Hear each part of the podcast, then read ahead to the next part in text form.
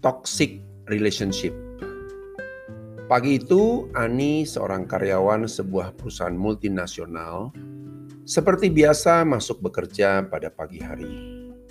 Hari ini Ani tidak menyangka bahwa atasannya sedang uring-uringan. Seperti biasa, ia masuk ruang kerjanya lalu ia mulai mempersiapkan pekerjaan hari itu. Karena beberapa hari ini ia harus keluar kota, maka banyak pekerjaan yang menumpuk yang harus ia selesaikan. Atasannya adalah seorang wanita parubaya dengan tipe wanita karir dan sangat berambisi untuk mendidik atau mencapai level yang paling tinggi di perusahaan tersebut. Ani sudah bekerja kurang lebih dua tahun sebagai asisten dari atasannya, dan ia adalah orang yang sangat perfeksionis, sehingga banyak hal jika tidak selesai akan membuatnya menjadi sangat gelisah. Selama ini Ani bekerja dengan sangat baik. Hal itu juga yang membuat atasannya begitu menyukainya. Namun sekitar dua bulan yang lalu, Ani melakukan kesalahan yang cukup fatal, yaitu mengirimkan surat yang seharusnya ia tidak sampaikan kepada orang yang tidak tepat. Ani beralasan bahwa waktu itu ia melakukan kesalahan karena banyaknya tugas yang harus ia selesaikan. Atasan mengenal Ani sebagai orang yang perfeksionis sehingga atasan merasa bahwa Ani mulai melawan terhadap dirinya.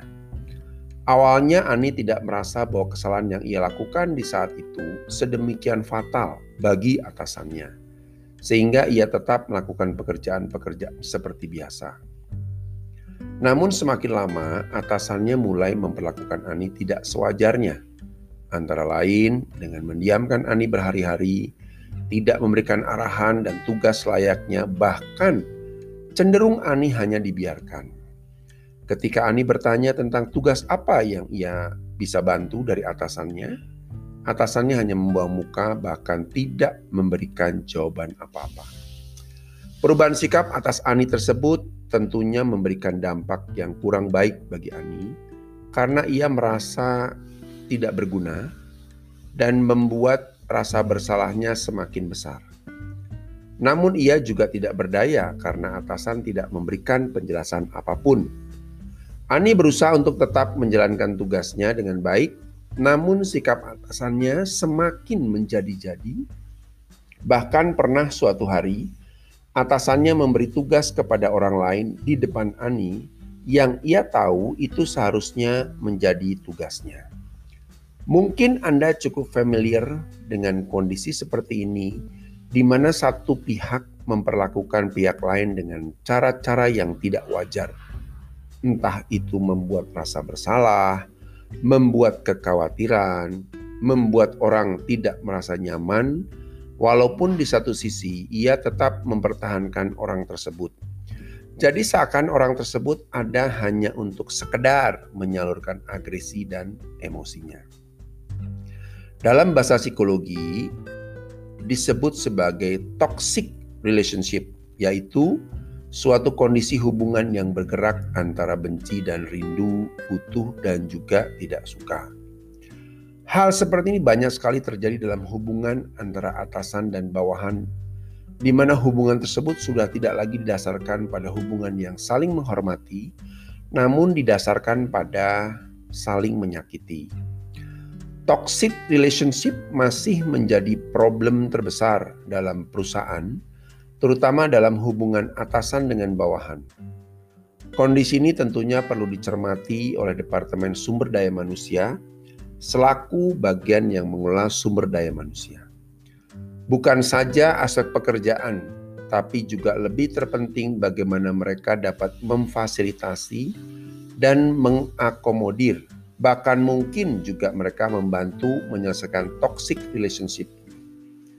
Karena biasanya bawahan adalah korban dari toxic relationship yang terjadi akibat atasan yang secara kematangan mental belum siap menjadi seorang atasan. Atasan seperti ini biasanya menggunakan otoritas yang ia miliki dengan cara yang salah, yaitu memberi tekanan pada orang lain, yaitu bawahan, bukan dalam konteks pekerjaan saja, tekanan pribadi yang akhirnya tidak ada hubungan sama sekali dengan pekerjaan. Ada beberapa strategi yang harus dilakukan oleh HR selalu selaku departemen yang seharusnya bertanggung jawab dengan terjadinya toxic relationship di perusahaan.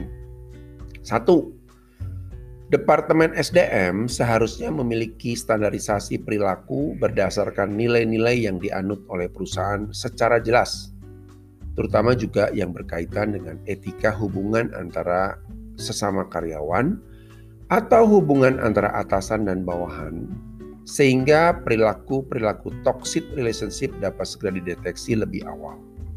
Terutama ketika Departemen SDM memiliki sarana untuk menerima informasi-informasi yang berkaitan dengan perlakuan atasan kepada bawahannya. Dua, Departemen SDM harus juga memiliki mekanisme untuk menyelesaikan masalah toxic relationship tersebut berkoordinasi dengan semua departemen agar ketika muncul indikasi adanya perilaku yang tidak wajar dari atasan dengan bawahan dapat segera dikendalikan. Membutuhkan satu tim dalam menganalisa dan memutuskan apakah perilaku tersebut memang sudah terlalu berlebihan atau hanya perilaku dalam konteks pekerjaan seperti biasa. Toxic relationship bukan hal yang mudah untuk dilihat secara kasat mata, namun membutuhkan adanya kejelasan parameter-parameter perilaku yang diambil dari konsep psikologi tentang bagaimana selayaknya hubungan antara manusia dalam konteks pekerjaan. Departemen SDM harus mampu melakukan proses intervensi berupa peneguran atau juga bahkan punishment yang jelas terhadap perilaku-perilaku tersebut agar seorang atasan pun memahami bahwa perilaku mereka itu memberi dampak yang sangat negatif bukan hanya kepada bawahan, namun juga berdampak terhadap departemennya. Bahkan lebih dari itu juga akan menghancurkan harmonisasi kerja di perusahaan yang pada akhirnya membuat target pekerjaan menjadi tidak tercapai. 4. Departemen HRD juga harus secara intens melalui departemen pelatihan memberikan pelatihan yang berfokus kepada etika kerja yaitu bagaimana cara perilaku-perilaku yang diterima dalam pekerjaan dan perilaku-perilaku yang dianggap menyimpang dalam dunia pekerjaan. Pelatihan etika seperti ini perlu dilakukan secara rutin, disampaikan kepada semua orang, baik dari level yang paling atas sampai level yang paling bawah, supaya menjadi semacam panduan agar toxic relationship tidak menjadi suatu kebiasaan yang meluas. Karena pada umumnya toksik ini bisa jadi merupakan faktor peniruan dari rekan kerja maupun atasan atasan mereka sebelumnya sehingga mereka memperlakukan hal yang sama pada bawahan mereka. Karena mereka merasa bahwa perilaku tersebut sudah sewajarnya. Banyak perusahaan-perusahaan yang sudah berdiri sejak puluhan tahun, namun ketika mereka diajarkan tentang basic etika dalam dunia kerja, nampaknya mereka menganggap itu sebagai sesuatu yang asing atau baru sama sekali.